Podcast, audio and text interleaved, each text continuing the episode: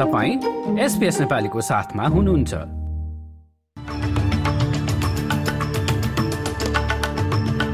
छ नोभेम्बरको प्रमुख समाचारमा न्यू साउथ वेल्सका बाढी प्रभावितहरू क्षतिको मूल्याङ्कनका लागि बिस्तारै घर फर्कन थाले। नेपालमा नेकपा एमालेका अध्यक्ष केपी शर्मा ओलीद्वारा भारतसँगको सीमा विवादलाई मुख्य मुद्दा बनाएर चुनावी अभियान सुरु र ट्वेन्टी ट्वेन्टी विश्वकप खेल्न अस्ट्रेलिया आएका एक श्रीलङ्कन खेलाडीमाथि यौन दुर्व्यवहारको आरोपमा मुद्दा चलाइँदै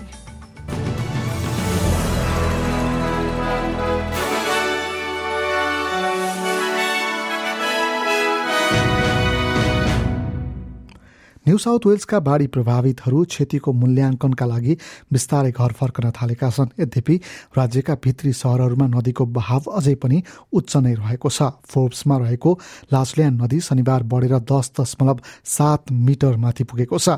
सन् उन्नाइस सय बाहन्नमा कायम भएको रेकर्डभन्दा यो थोरै मात्रै कम हो। बाढीले बाटो बन्द भएपछि दुई भागमा विभाजित भएको सहरमा पुर्याएको क्षतिको मूल्याङ्कन गर्न अझै चाँडो हुने बताइन्छ। एबिसीसँग कुरा गर्दै राज्यको आपतकालीन सेवा विभागका सुपरिवेक्षक एजली सुलेभनले बाढीले समुदायमा ठूलो क्षति पुर्याएको बताए The impact in this town has been significant. There is a lot of floodwater here. You can probably see behind me it's still extremely high and likely to stay high for probably three or four days uh, before we really start to see a, a, decrease in the flood height here. So it's, it's a slow going flood. Um, you know, we're going to try and get in as soon as we can to do those damage assessments. And uh, we do have 50 ADF here in Forbes ready to assist with uh, the clean-up operation that's uh, necessary after a big flood like this.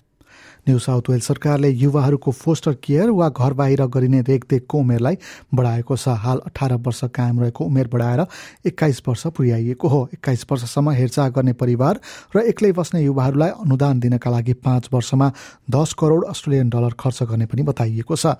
New south Wellesley अन्य राज्यले यसअघि अप्नाइसकेको नीतिलाई अवलम्बन गरेको हो। Foster care वा care वा सरकारी सहयोगमा बसेका करिब पचास प्रतिशत युवाहरू त्यहाँबाट निस्केको एक वर्षभित्रै बेरोजगार वा घरबार विहीन हुने सम्भावना रहेको होम स्टोज नामक एक अभियानले देखाएको थियो। न्यू साउथ वेल्सकी परिवार सम्बन्धी मन्त्री नतासा म्याक्लेरानले म्याक्लेरान जोन्सले सरकारी अनुदानले युवाहरू वयस्क बन्ने यात्रालाई सजिलो पार्ने बताउँछिन्। Ensuring young people have that extended aftercare support up to the age of 21 is critical to provide that wraparound support to ensure that they can go on and fulfil whether it's university, employment, or have that security and support and the accommodation that they need.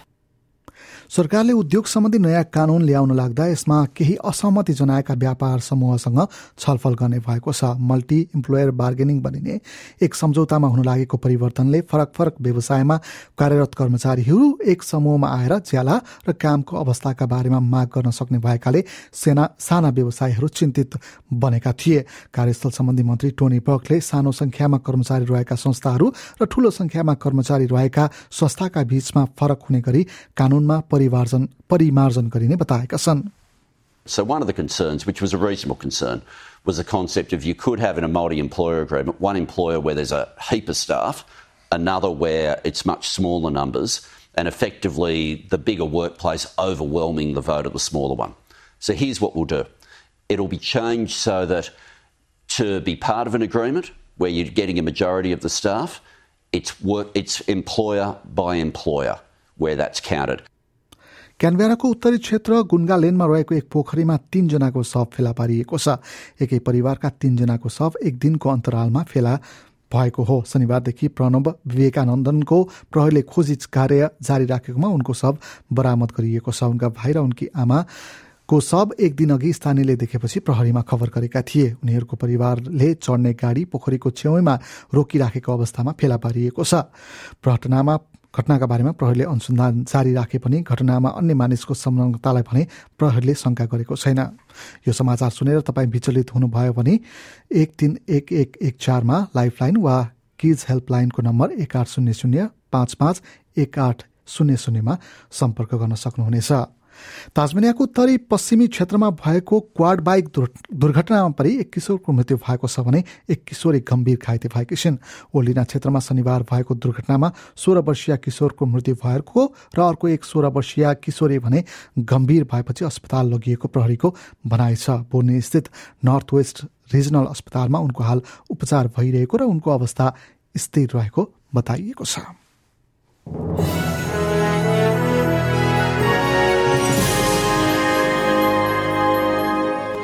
अब नेपाल सम्बन्धी प्रसङ्ग नेकपा एमालेका अध्यक्ष केपी शर्मा ओलीले भारतसँगको सीमा विवादलाई मुख्य मुद्दा बनाएर चुनावी अभियानको सुरुवात गरेका छन्। सुदूरपश्चिमका दार्चुला लगायतका जिल्लामा चुनावी सभा गर्दै अध्यक्ष केपी ओलीले भारतले आफ्नो दावी गर्दै आइरहेको कालापानी क्षेत्रका बारेमा प्रधानमन्त्री शेरबहादुर देवाललाई प्रश्न पनि गरे।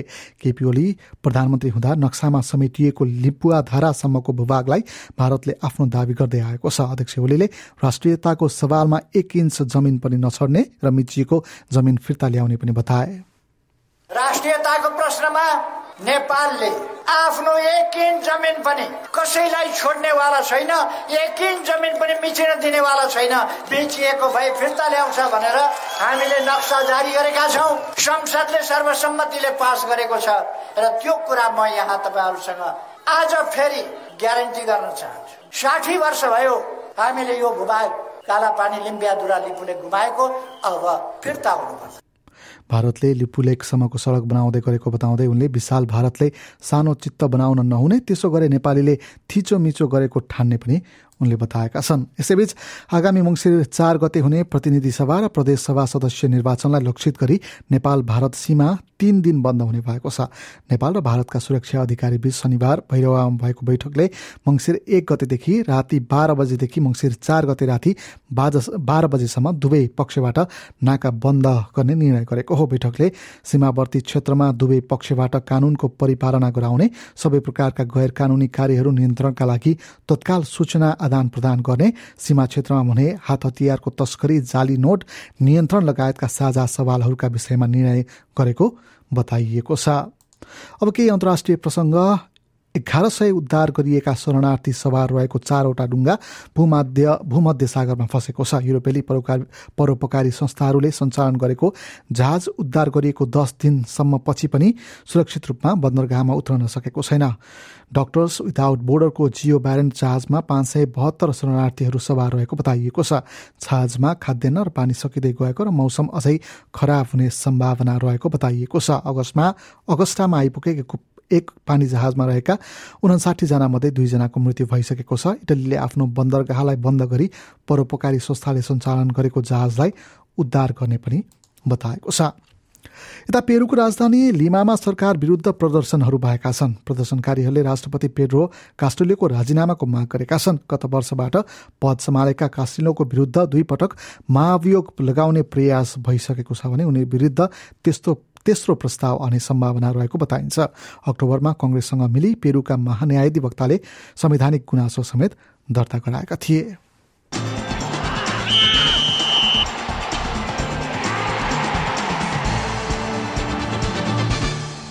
अब खेल समाचार उन्तिस वर्षीय एक महिलामाथि यौन दुर्व्यवहार गरेको आरोपमा श्रीलङ्काका एक क्रिकेटर पक्राउ परेका छन्। श्रीलङ्काका क्रिकेटर धनुषका गुणतिलकामाथि सिडनीको पश्चिममा रहेको रोजबेमा बुधबार एक महिलामाथि यौन दुर्व्यवहार गरेको आरोप लगाइएको छ। उनीहरू लामो समय समयदेखि एक डेटिङ एपमा सम्पर्कमा रहेको र बुधबार उनले महिलामाथि यौन दुर्व्यवहार गरेको आरोप रहेको छ। एकतिस वर्षीय क्रिकेटरलाई आइतबार सिडनीको एक होटलबाट पक्राउ गरिएको हो। उनीमाथि चारवटा आरोप लगाइएका छन् भने उनलाई भिडियो लिङ्क मार्फत प्यारामाटा अदालतमा उपस्थित गराइनेछ। श्रीलङ्काको प्रतिनिधित्व गर्दै उनी ट्वेन्टी ट्वेन्टी खेल्नका लागि अस्ट्रेलिया आएका थिए।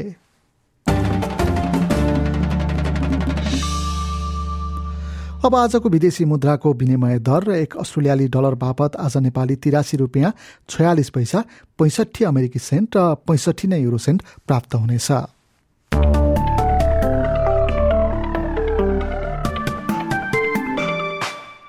अब भोलि सोमबारको मौसम सम्बन्धी विवरण भोलि सोमबार पर्थमा अधिकांश समय घाम लाग्ने सम्भावना रहेको छ भने अधिकतम तापक्रम रहनेछ। चौबिस डिग्री एडिलेडमा घाम लाग्ने र तीस डिग्री मेलबर्नमा केही बेर वर्षाको सम्भावना सहित पच्चिस डिग्री अधिकतम तापक्रम।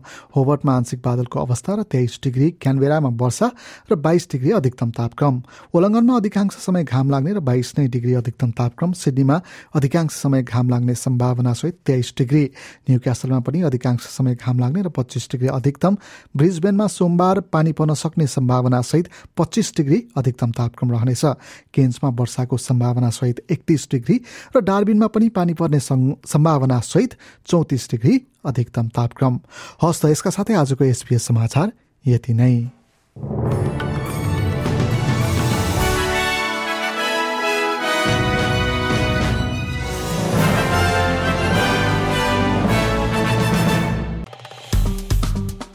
लाइक सेयर र कमेन्ट गर्नुहोस् एसपिएस नेपालीलाई फेसबुकमा साथ दिनुहोस्।